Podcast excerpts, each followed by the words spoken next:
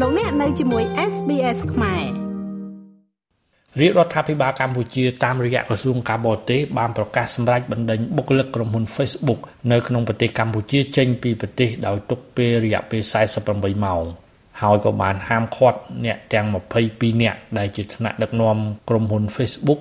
មិនឲ្យចូលប្រទេសកម្ពុជាអស់មួយជីវិតនេះបើយោងតាមសេចក្តីប្រកាសរបស់ក្រសួងការបរទេសកម្ពុជានៅថ្ងៃទី4ខែកក្កដា សេចក្តីប្រកាសលើកឡើងថាយោងតាមអនុសាសន៍របស់ក្រមប្រឹក្សាភិបាលត្រួតពិនិត្យនៃក្រុមហ៊ុន Meta Platform Inc ឬក្រុមហ៊ុន Facebook ឲ្យផ្អាកជាបណ្ដោះអាសន្នចំពោះករណី Facebook ផ្លូវការរបស់លោកនាយរដ្ឋមន្ត្រីហ៊ុនសែនគឺមានលក្ខណៈនយោបាយ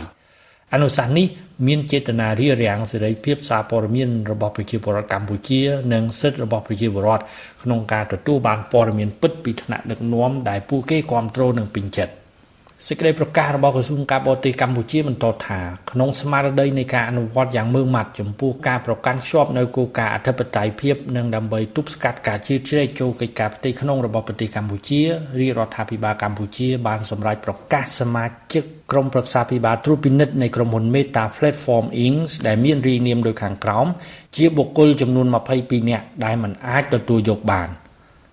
សេចក្តីប្រកាសបន្ថែមថាបុគ្គលដូចមានរាយនាមមកជាមួយនេះត្រូវបានហាមឃាត់មិនឲ្យចូលឬក៏មានវត្តមាននៅក្នុងប្រទេសកម្ពុជា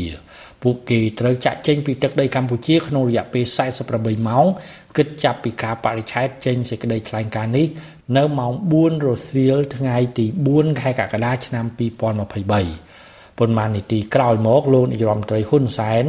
បានប្រកាសផ្សព្វផ្សាយនៅឈ្មោះនិងរូបថតរបស់ក្រុមប្រឹក្សាភិបាលក្រុមហ៊ុន Facebook ទាំង22នាក់ដែលត្រូវបានរាជរដ្ឋាភិបាលប្រកាសបណ្តេញចេញនិងហាមឃាត់មិនឲ្យចូលប្រទេសកម្ពុជាអស់មួយជីវិត